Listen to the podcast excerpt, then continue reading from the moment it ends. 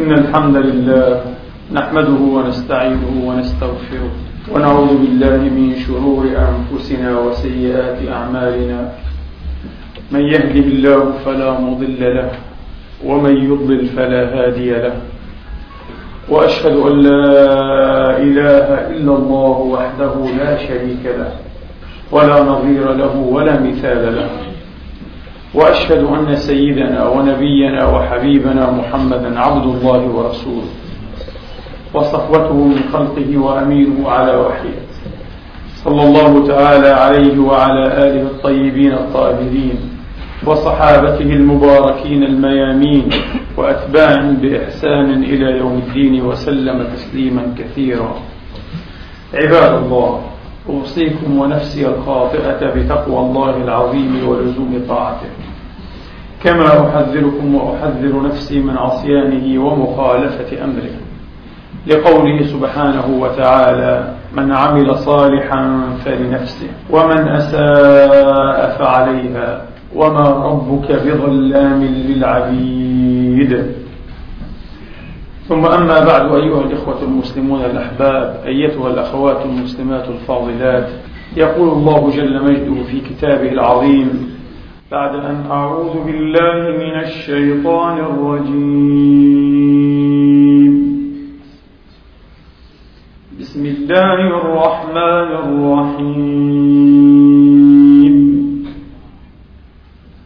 ولقد كرمنا بني آدم وحملناهم في البر والبحر ورزقناهم ورزقناهم من الطيبات وفضلناهم على كثير ممن خلقنا. وفضلناهم على كثير ممن خلقنا تفضيلا. يوم ندعو كل أناس بإمامهم فمن أوتي كتابه بيمينه فأولئك فأولئك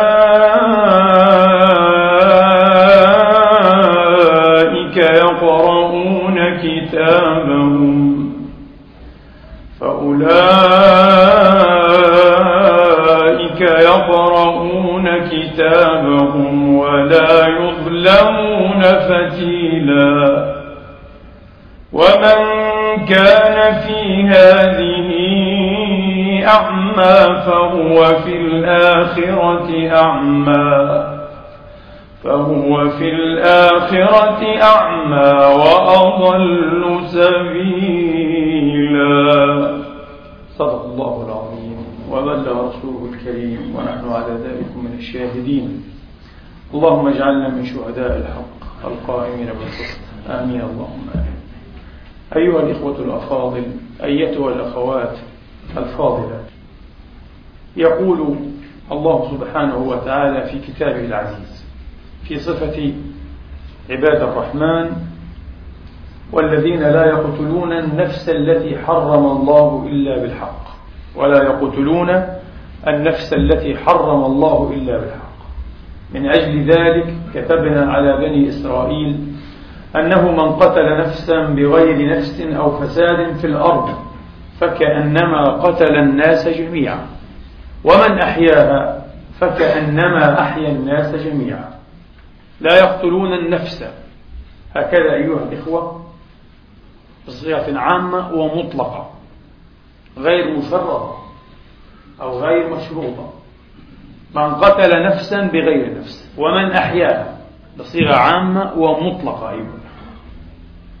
ويقول في المقابل سبحانه وتعالى ومن يقتل مؤمنا متعمدا فجزاؤه جهنم خالدا فيها. الآية من سورة النساء. رسول الله صلى الله عليه وآله وأصحابه وسلم يحدثنا عن جزاء من رحم أمس الناس به رحما.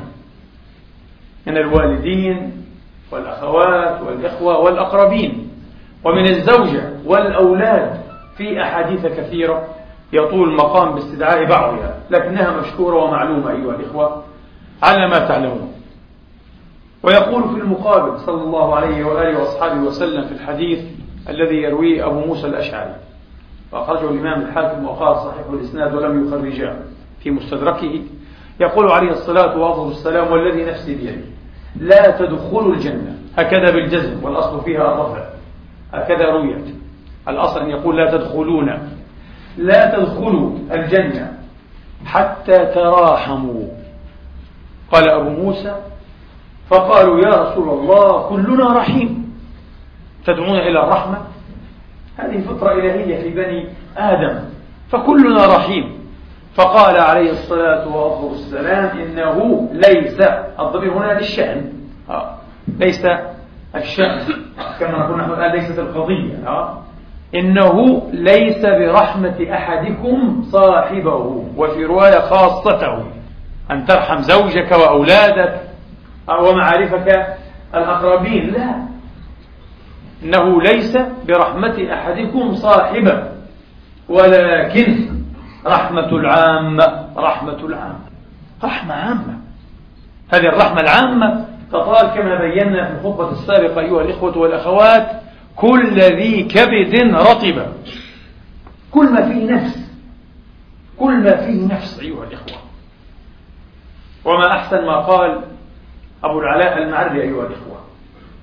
تسريح كفك برغوثا مسكت به.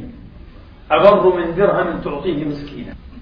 أبو العلاء على سنة هؤلاء الأنسانيين الجدد يريد أن يعمم وأن يوسع آفاق هذه الرحمة أيها الإخوة. آه. حتى تطال وتنال البراغيث.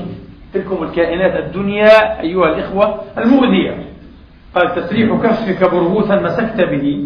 بدل أن تقتله سرحه. أعطيه فرصته ليتابع حياته. رحمة حتى بهذا الكائن الأدنى المحقور. تسريح كفك برغوثا مسكت به. أبر من درهم تعطيه مسكينا. فهم عجيب أيها الإخوة. فهم عجيب. هذا توسيع لمفهوم أيها الإخوة البر. أبر من درهم. هذا هو البر. والبر في الأصل أيها الإخوة وهكذا عرفه تقريبا كل علماء الإسلام.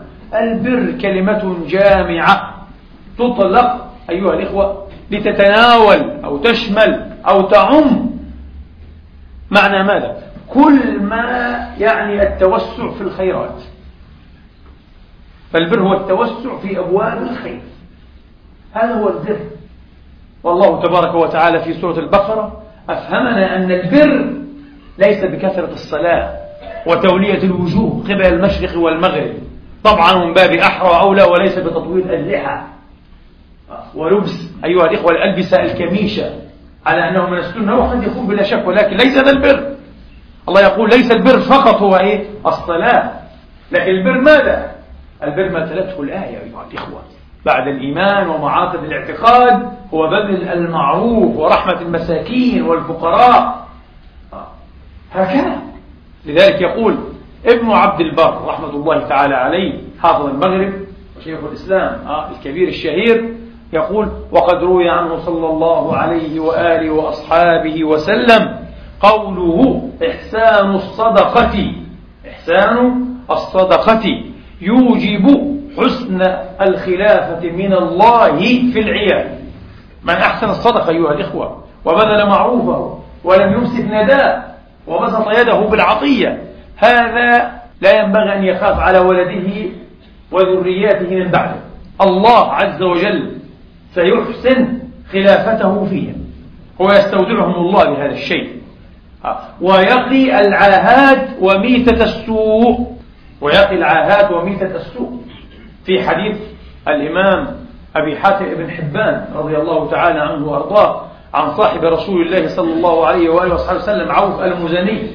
يقول عوف قال صلى الله عليه وآله وأصحابه وسلم إن لله عبادا. إن لله عبادا. جعلهم لحوائج الناس. الله هكذا. يسرهم وخلقهم وأرصدهم. أرصدهم لمنافع الناس لمنافع الخلق لرحمة عباد الله لمسح الدموع أيها الإخوة ورسم الابتسامات على الوجوه الكئيبة البائسة هكذا. هم مرصودون أو مرصدون لهذا المعنى أيها الإخوة. آل على نفسه أن يعذبهم بناره يوم القيامة. نعم. صاحب المعروف لا يقع وإذا وقع وقع على متكئ. هكذا تقول العرب. لا يقع في الدنيا ولا يقع في الآخرة إن شاء الله تعالى. وهو الأهم والأخطر والأشرف في الآخرة لا يقع بإذن الله.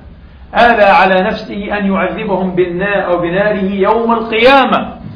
فإذا كان يوم القيامة أي إذا حصل ووقع كان تامة هنا وليست ناقصة ناسخة فإذا كان يوم القيامة رفع الله لهم منابر من نور. فجلسوا عليها يحدثون الله والناس بالحساب الله أكبر. اللهم اجعلنا منهم. هكذا ينبغي أن يفهم الدين إذا تحدثنا ولا يزال الحديث ممدودا ومتصلا عن أنسنة فهمنا للدين. أيها الإخوة لا أن يكون الإنسان أيها الإخوة كزازا وصعبا وضرارا ليس نفاعا وليس من الناس إلا في سوء وإلا في بلاء وإلا في شر ثم هو يطيل. الصلاة ويكثر الصيام والدعاوى والتشدق بأنه من المتدينين. لن يجديه هذا عند الله شر ونقير. لن يجديه جدوى. انتبهوا. مسألة والله العظيم يا إخواني خطيرة. والله إنها مسألة خطيرة جدا. أن نفهم الدين بالصيغة الصحيحة حتى ننجو. في نهاية المطاف كل منا يريد أن ينجو برقبته أيها الإخوة. بالأمس أيضا. آه. من خلال المهاتفة آه. فإذا بمن يهاتفني يقول لي ومات لدينا شاب. هو في أولى ثانوية. قلت له كيف مات هذا؟ شاب هذا لم يرى الحياة المسكين لم يشمها. فقال لي محدثي قال لأخي هيا نذهب إلى المقبرة الجبانة إلى المقبرة حتى نقرأ الفاتحة على روح فلان. قلت نعم. قال محدثي فقصد المقبرة. فحين وضع أول خطوة في المقبرة عثر فوقع فحركه صاحبه وإذا هو ميت. وإنا لله وإنا إليه راجعون. لست بمأمن. لست بمأمن لست بمأمن.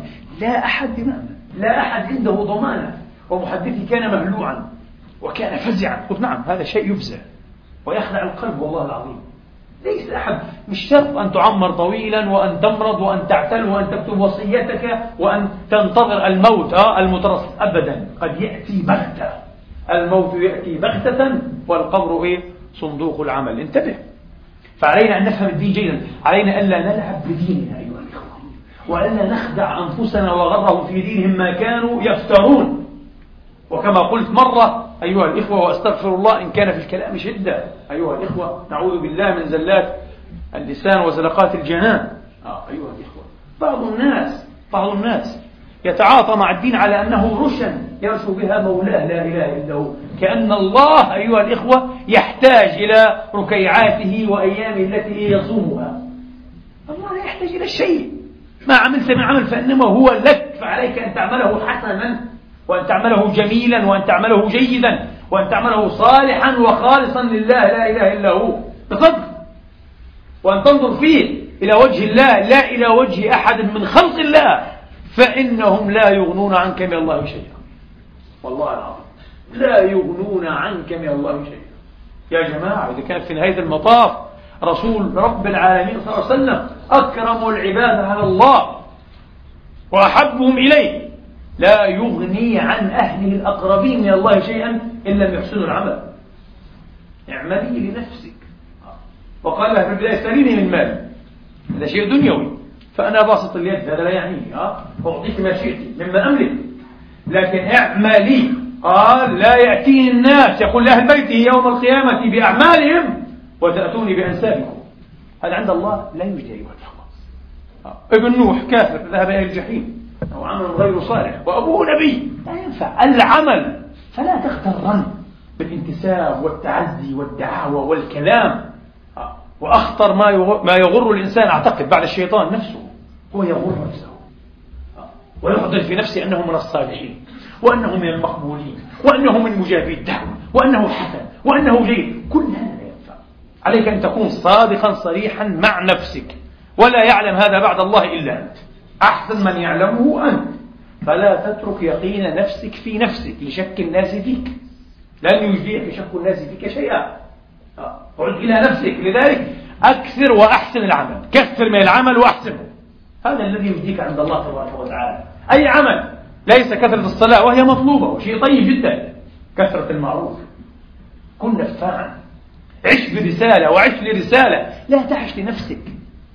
أقبح الناس أيها الإخوة. والله وأحقر الناس من يعيش لنفسه. حتى إذا بكى. عفوا. حتى إذا مات. لن يبكي عليه أحد. لأنه عاش لنفسه. فلا يشعر أيها الإخوة بفقده. حين يفقده الناس.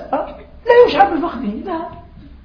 لكن من كان أيها الإخوة ذا حبال بل ذا شباك ممدودة من الخير والنفع يعيش لأمته يعيش لدينه يعيش للآخرين أيها الإخوة.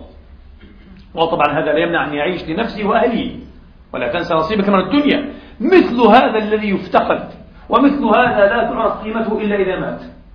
يشعر الناس بفقده حقا. يترك صغرة لا تسد. وظلمة أيها الإخوة لا ترتق من بعده. هكذا. هذا هو الدين. نعود أيها الإخوة. قال ولكن رحمة العامة رحمة العامة. هكذا. ترحم الجميع.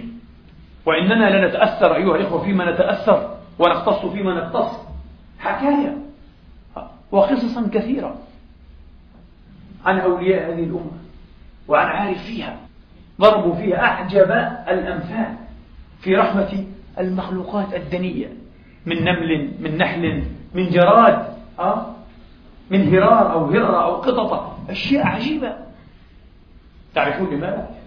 لأن من أحب الله صدقا انعكس حبه لله مباشرة. ترجع في شكل ماذا؟ محبة الخلق. مباشرة. على قدر ما تحب الله أنت تحب الخلق. وترحم الخلق. وتنظر إليهم نظرة فيها سعة وفيها مرونة وفيها محبة. ليست نظرة قانونية ليست نظرة جنائية جزائية. لا هذا مستقيم وهذا منحرف هذا مسلم تسعة أعشار هذا مسلم سبعة أعشار ها؟ مسلم كامل هذا من أهل النار.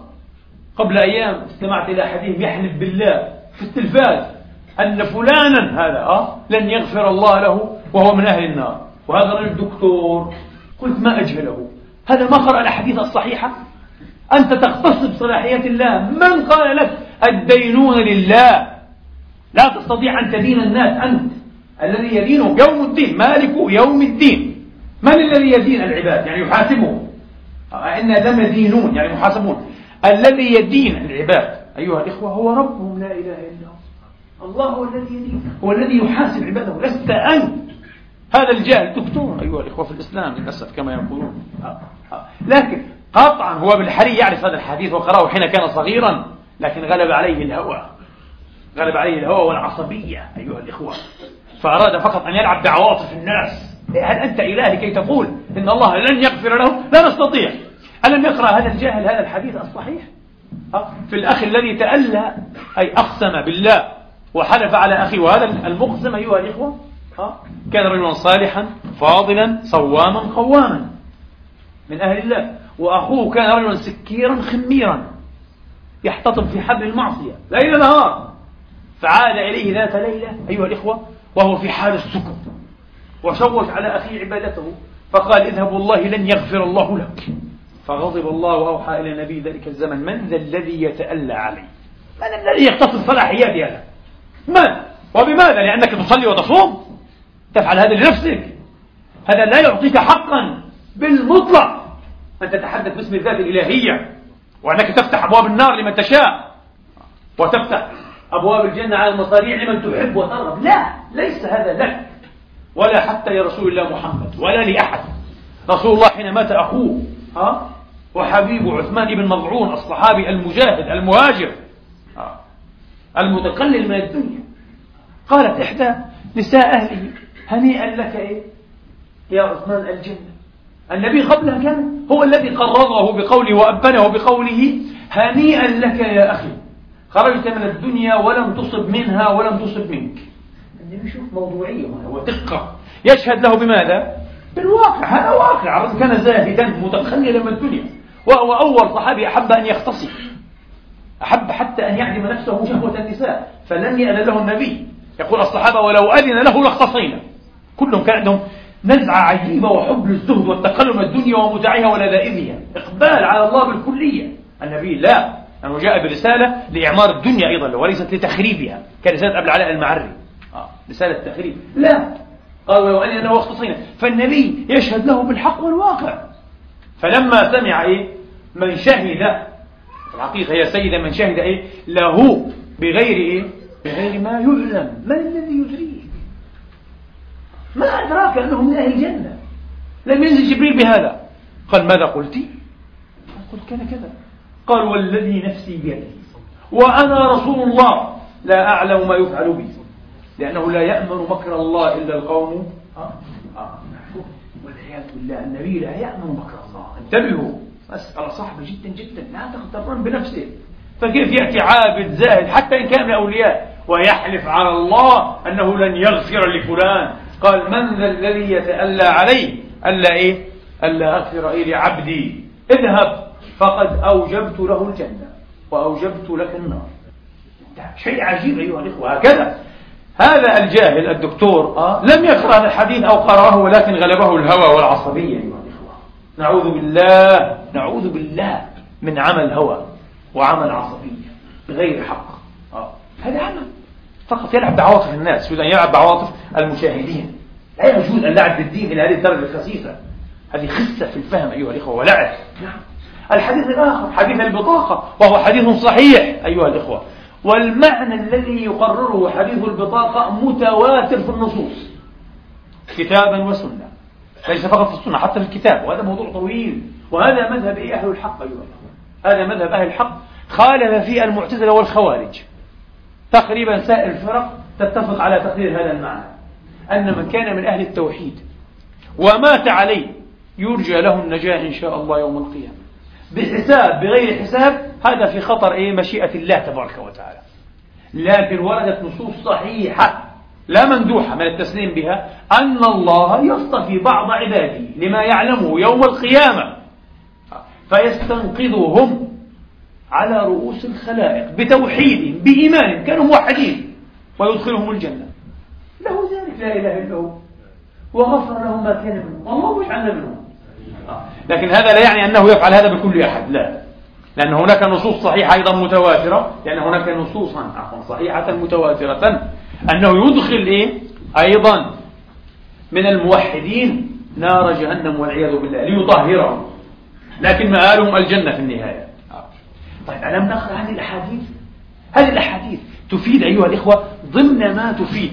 أن نوسع منظورنا في النظر إلى خطايا العباد إلى زلات العباد إلى عثرات الخلق. نوسع منظورنا. النبي يعلمنا الكتاب يعلمنا لا تستطيع أن تدين إيه؟ الخلق أو تدين الخلق. لا تستطيع أن تحكم على الإنسان حكما غير قابل للنقد.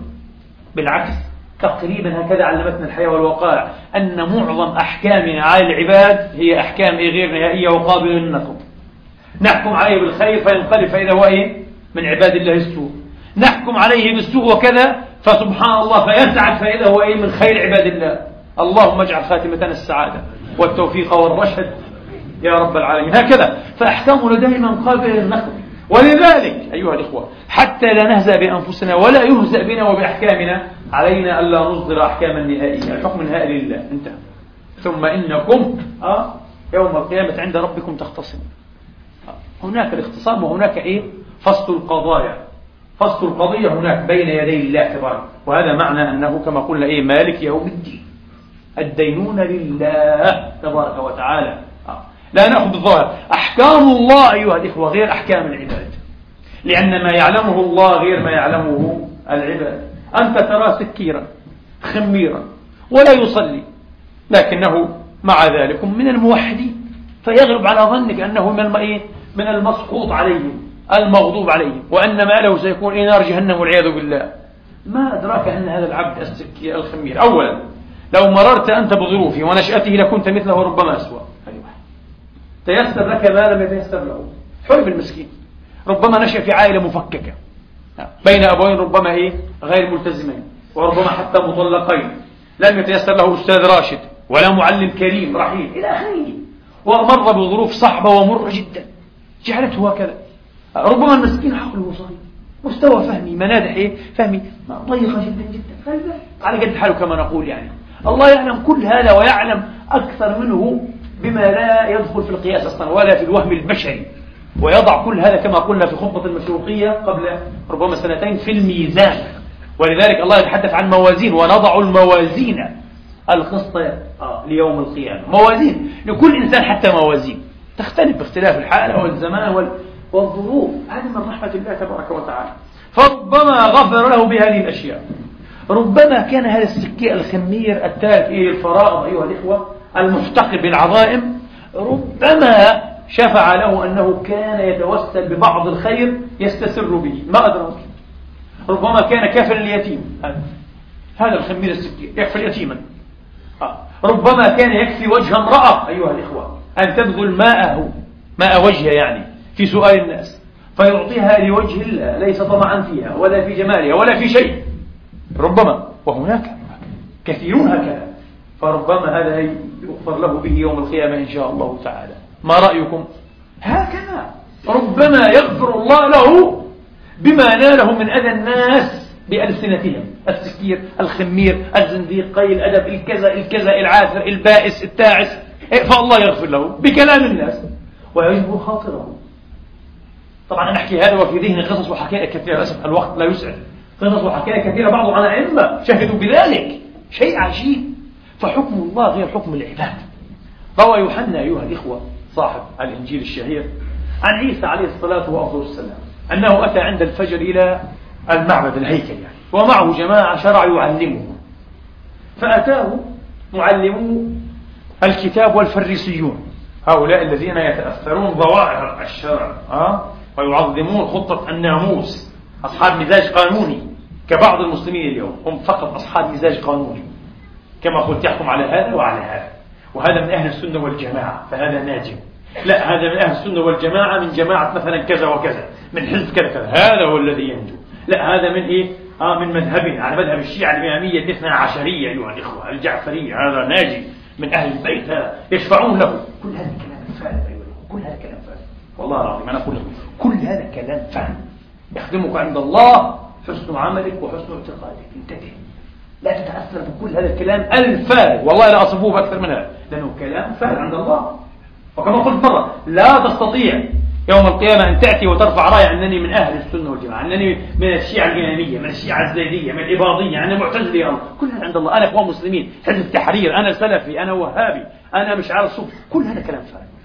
أريني كتاب عملك. انتهى. ما هذا هو؟ اقرأ كتابك. كفى بنفسك. عملك. إخلاصك. نيتك. هذا ما ينفعك عند الله تبارك وتعالى.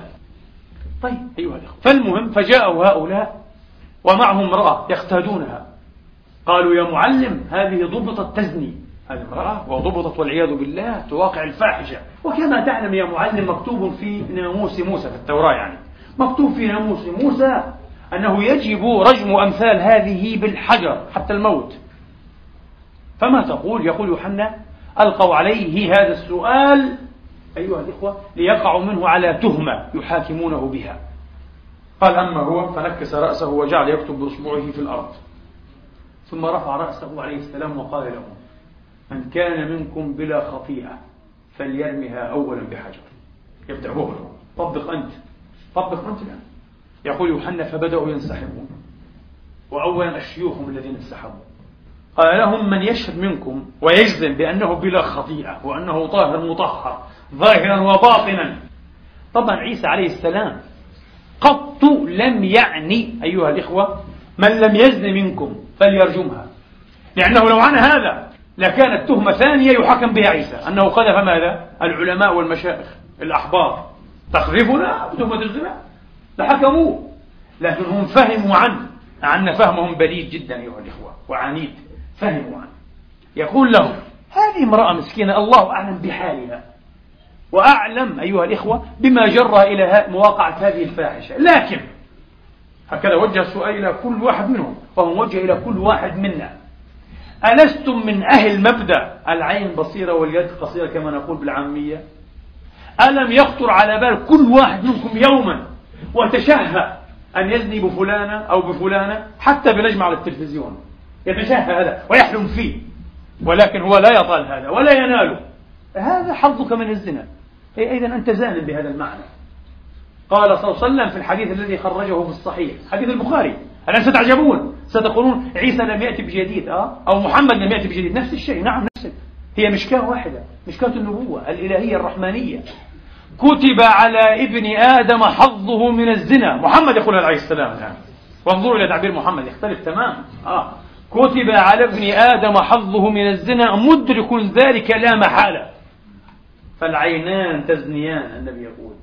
زنا بالعين أه؟ وزناهما النظر أه؟ وزناهما النظر.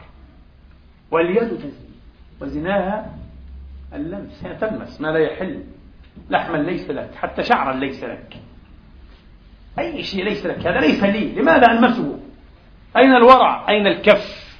أين تعظيم حرمات الله ورجاء الوقار لله لا إله إلا هو؟ هذا هو الدين هنا يعرف الدين. كما قال إيه أبو الفرج ابن الجوزي قدس الله سره. قال والله ما سعد ولا صعد. الكريم ابن الكريم بصلاة ركيعات في الليل. وإنما بقوله أه أيها الإخوة إنه ربي أحسن مثواي. هذا الله حاشا لله أن أفعلها. بهذا ارتفع إيه؟ يوسف عليه السلام. ليس بالصلوات أيها الإخوة. ثم هو يقع على محارم الله. إذا خلى بها ينتهكها. ليس بهذا. انتبهوا هذا. قال والفم يزني. النبي يقول وزناه القبل حين تقبل. لحما ليس لك أيضا. هذا زنا. قال والفرج يصدق ذلك أو يكذبه. هذا الزنا كله زنا إيه؟ على طريق الزنا الأكبر والعياذ بالله. ها؟ زنا المجازي ها زنا الرمزي الزنا الحقيقي والعياذ بالله يكون إيه؟ كما تعلمون. قال والفرج يصدق ذلك. لكن النبي كأنه يقول من زنى بفرجه فهي جريمة كاملة. من زنى بعينه فهو كسر زان هو كسر زاني الله أعلم. هذا في علم الله. واحد على مئة من الزنا هذا بالعين واحد على ألف واحد على خمسين على عشرة لا ندري. لكن هو كسر زان هذا عشر زاني بيتحرك على الأرض.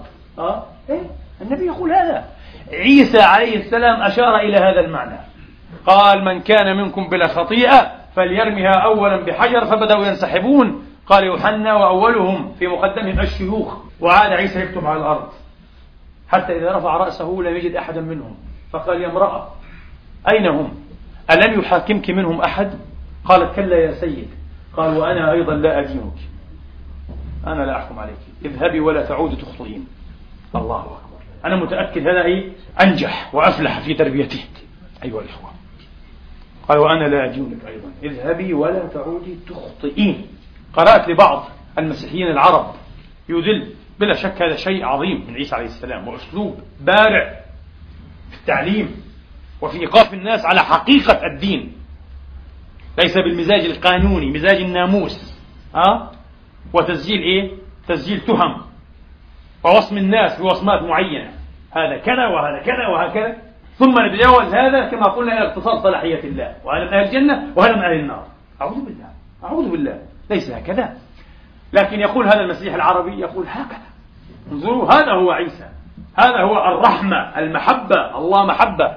أما محمد قال آه لا أمر بالرجم. هذا كذاب أيها الإخوة. وأحمد يكذب على الحقائق وعلى النصوص الصحيحة.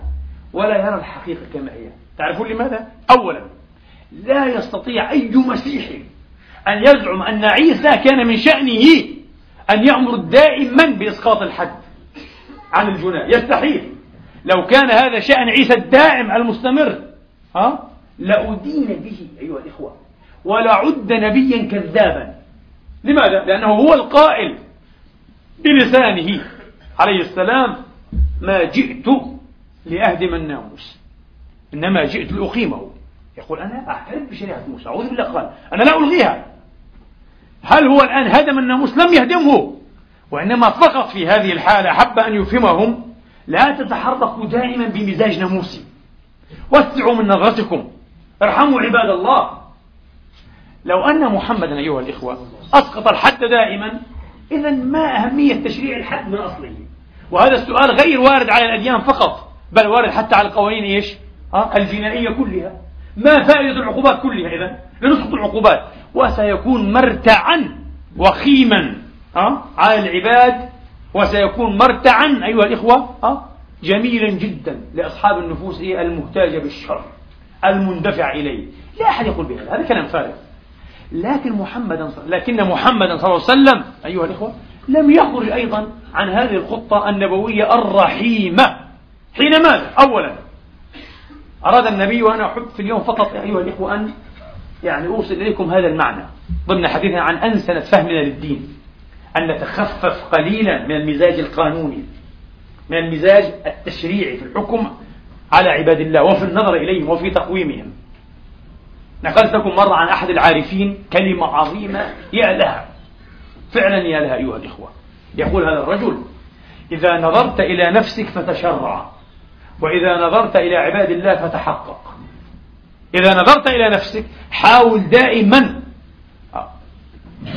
أن تنظر إليها من منظور الشرع. الحلال حلال والحرام حرام والجريمة جريمة والبر بر. ما في. لا تحاول أن تبرر لنفسك. طب أنا فعلت هذا؟ لأن الله يعلم ما في قلبي. والله أنا أسأت إلى فلان وأكلت عرضه أو أكلت ماله أو طعنت في في عرضه. من أجل أنني كنت مغروبا على أمري. والله يعلم هذا وتعود إليه. كلام فارغ. كلام فارغ. أنت تبرر نفسك الحرام والجريمة. لكن إذا نظرت إلى عباد الله حاول أن تنظر إليهم من منظور إلهي إنجاز التعبير. حاول أن تلتمس لهم المعاذير وأن تصطنع لغة ربما ولعل ولعل وعسى دائما. أنت مأمور بهذا شرعا. كتابا وسنة. فهذا ليس كلام الصوفية. هذا كلام رب إيه؟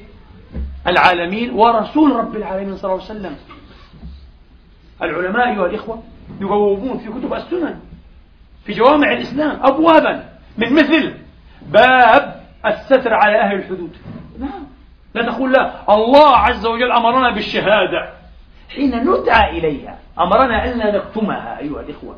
حين يتعلق بها حق لعبد آخر ممنوع أن نكتم الشهادة. لا أن نأتي إلى من ستره الله ها؟ ونفضحه باسم أننا نؤدي الشهادة. لا نحن فضاحون. ويا ويلنا هذا شر لنا. في صحيح مسلم أيها الإخوة ما ستر الله على عبد في الدنيا إلا ستره في الآخرة. غير حديث ومن ستر مسلما. هذا صحيح وهذا صحيح وكلاهما في مسلم. لكن الله أيها الإخوة حين يستر على عبده ما معنى هذا؟ علامة على أنه يريد أن يستره إيه؟ في الآخرة لأن الله أكرم من أن يستره في الدنيا وإيه؟ ويفضحه على رؤوس الخلائق والأشهاد يوم القيامة.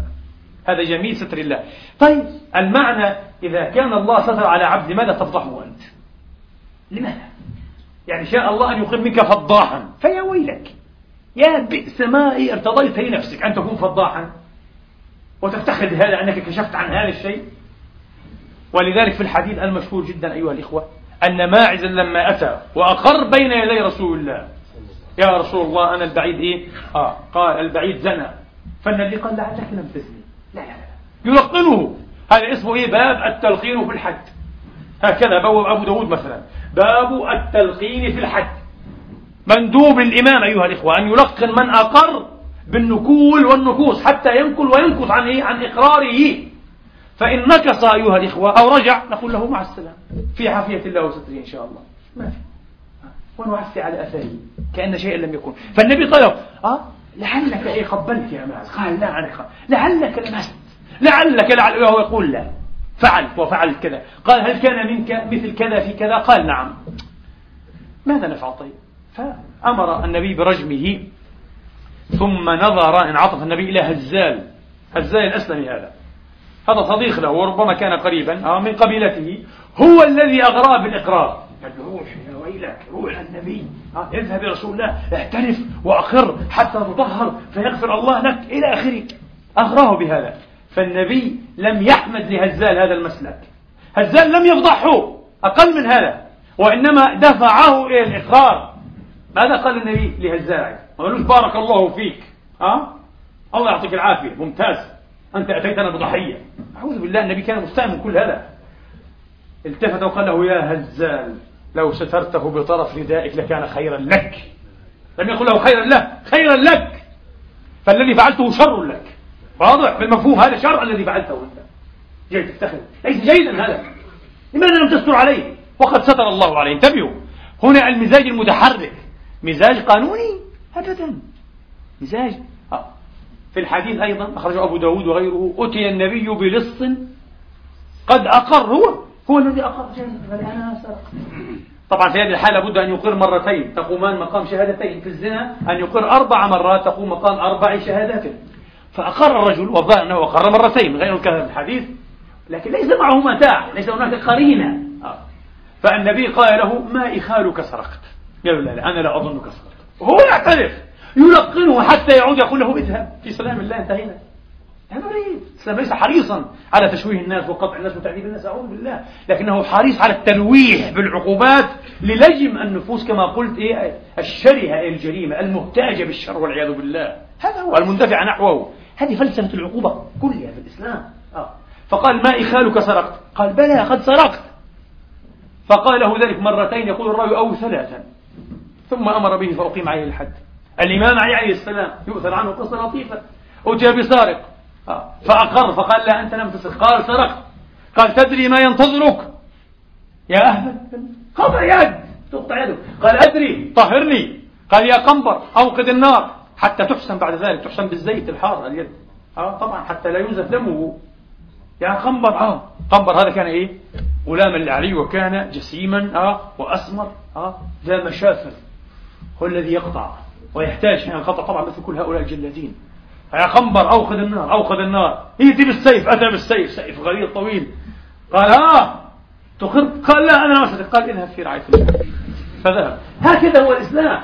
هذا ليس مزاجا قانونيا مزاجا تشريعيا لأن الله أمر بإقامة الحد. على كل حال لعلي ذكرت لكم في الخطبة السابقة وذكرت لإخواني. آه أيها الإخوة إذا أردنا أن نؤنسن فهمنا للدين والدين هو الذي يعلمنا أيضا من زوايا أيها الإخوة هذه الأنسنة علينا أن نتناغم نكون في حالة انسجام وتراسل أو ما يعرف بالهرمونية يعني في حالة تراسل مع ماذا؟ مع القرآن ومع السنة في الإعراب عن مطالبهما وعن غاياتهما إحدى طرق هذا الإعراب أيها الإخوة ها؟ الطريقة الكمية فلذلك إذا نظرنا إلى كتاب الله الذي يشتمل على ستة آلاف ومئتين وست وثلاثين آية. ستة آلاف مئتين ست وثلاثين آية. وأردنا أن نحصي آيات الحدود آيات التشريع الجنائي والجزائي. كم؟ لا تزيد عن خمس. حد السرقة حد الحرابة القصاص إذا اعتبرناه حدا وهو عند الأحناف غير حد اسمه القصاص لحاله على كل حال ها؟ والقصاص والزنا والقذف انتهى خمس آيات خمس آيات من ستة آلاف ومئتين ستة وثلاثين آية والآن إذا سمعنا بتطبيق الشريعة لا يكاد يسبق إلى وهينا أو ظننا إلا إيه؟ إلا موضوع خمس آيات أين؟ أين ستة آلاف مئتين ستة وثلاثين آية يا جماعة؟ ما هذا الفهم العجيب للدين؟ هكذا نفهم الشريعة والدعوة للشريعة؟ نسأل الله أن يعرفنا أيها الإخوة به وأن يدلنا على فهم إيه شرعه والعمل به. إنه ولي ذلك والقدر عليه. أقول قولي هذا وأستغفر الله لي ولكم. الحمد لله. الحمد لله الذي يقبل التوبة عن عباده ويعفو عن السيئات ويعلم ما تفعلون ويستجيب الذين آمنوا وعملوا الصالحات ويزيدهم من فضله. والكافرون لهم عذاب شديد وأشهد أن لا إله إلا الله وحده لا شريك له. وأشهد أن محمدا عبده ورسوله صلى الله تعالى عليه وعلى آله وأصحابه وسلم تسليما كثيرا. أما بعد أيها الإخوة والأخوات وفي الحديث المخرج في الصحيح أنه صلى الله عليه وسلم كان يؤتى كثيرا برجل يشرب الخمر فأتي به مرة فقال أحد الصحابة لعنه الله ما أكثر ما يؤتى به يا رسول الله. فقال الرسول وقد إيه؟ غضب لا تلعنه. فوالله ما علمت إلا أنه يحب الله ورسوله. والحديث الصحيح في البخاري وغيره. وطبعا في الصحيحين من حديث أنس المرء مع من أحب. إذا أحببت الله ورسول الله بصدق النبي شهد له أنه من أحباب الله ورسوله. بإذن الله هذا يحشر ويدخل مدخل الرسول يوم القيامة مع أنه يشرب الخمر. نسأل الله تبارك وتعالى أن يفقه أن يفقهنا في الدين وأن يعلمنا التأويل. اللهم اجعلنا مفاتيح للخير مغاليق للشر أصلحنا وأصلح بنا واهدنا واهد بنا. اللهم إنا نسألك الهدى والتقى والعفاف والغنى. اغفر لنا جميعا ولمن حضر. والإخوان المسلمين والمسلمات المؤمنين والمؤمنات الأحياء منهم والأموات بفضلك ورحمتك إنك سميع قريب مجيب الدعوات. عباد الله إن الله يأمر بالعدل والإحسان وإيتاء ذي القربى وينهى عن الفحشاء والمنكر والبغي يعظكم لعلكم تذكرون.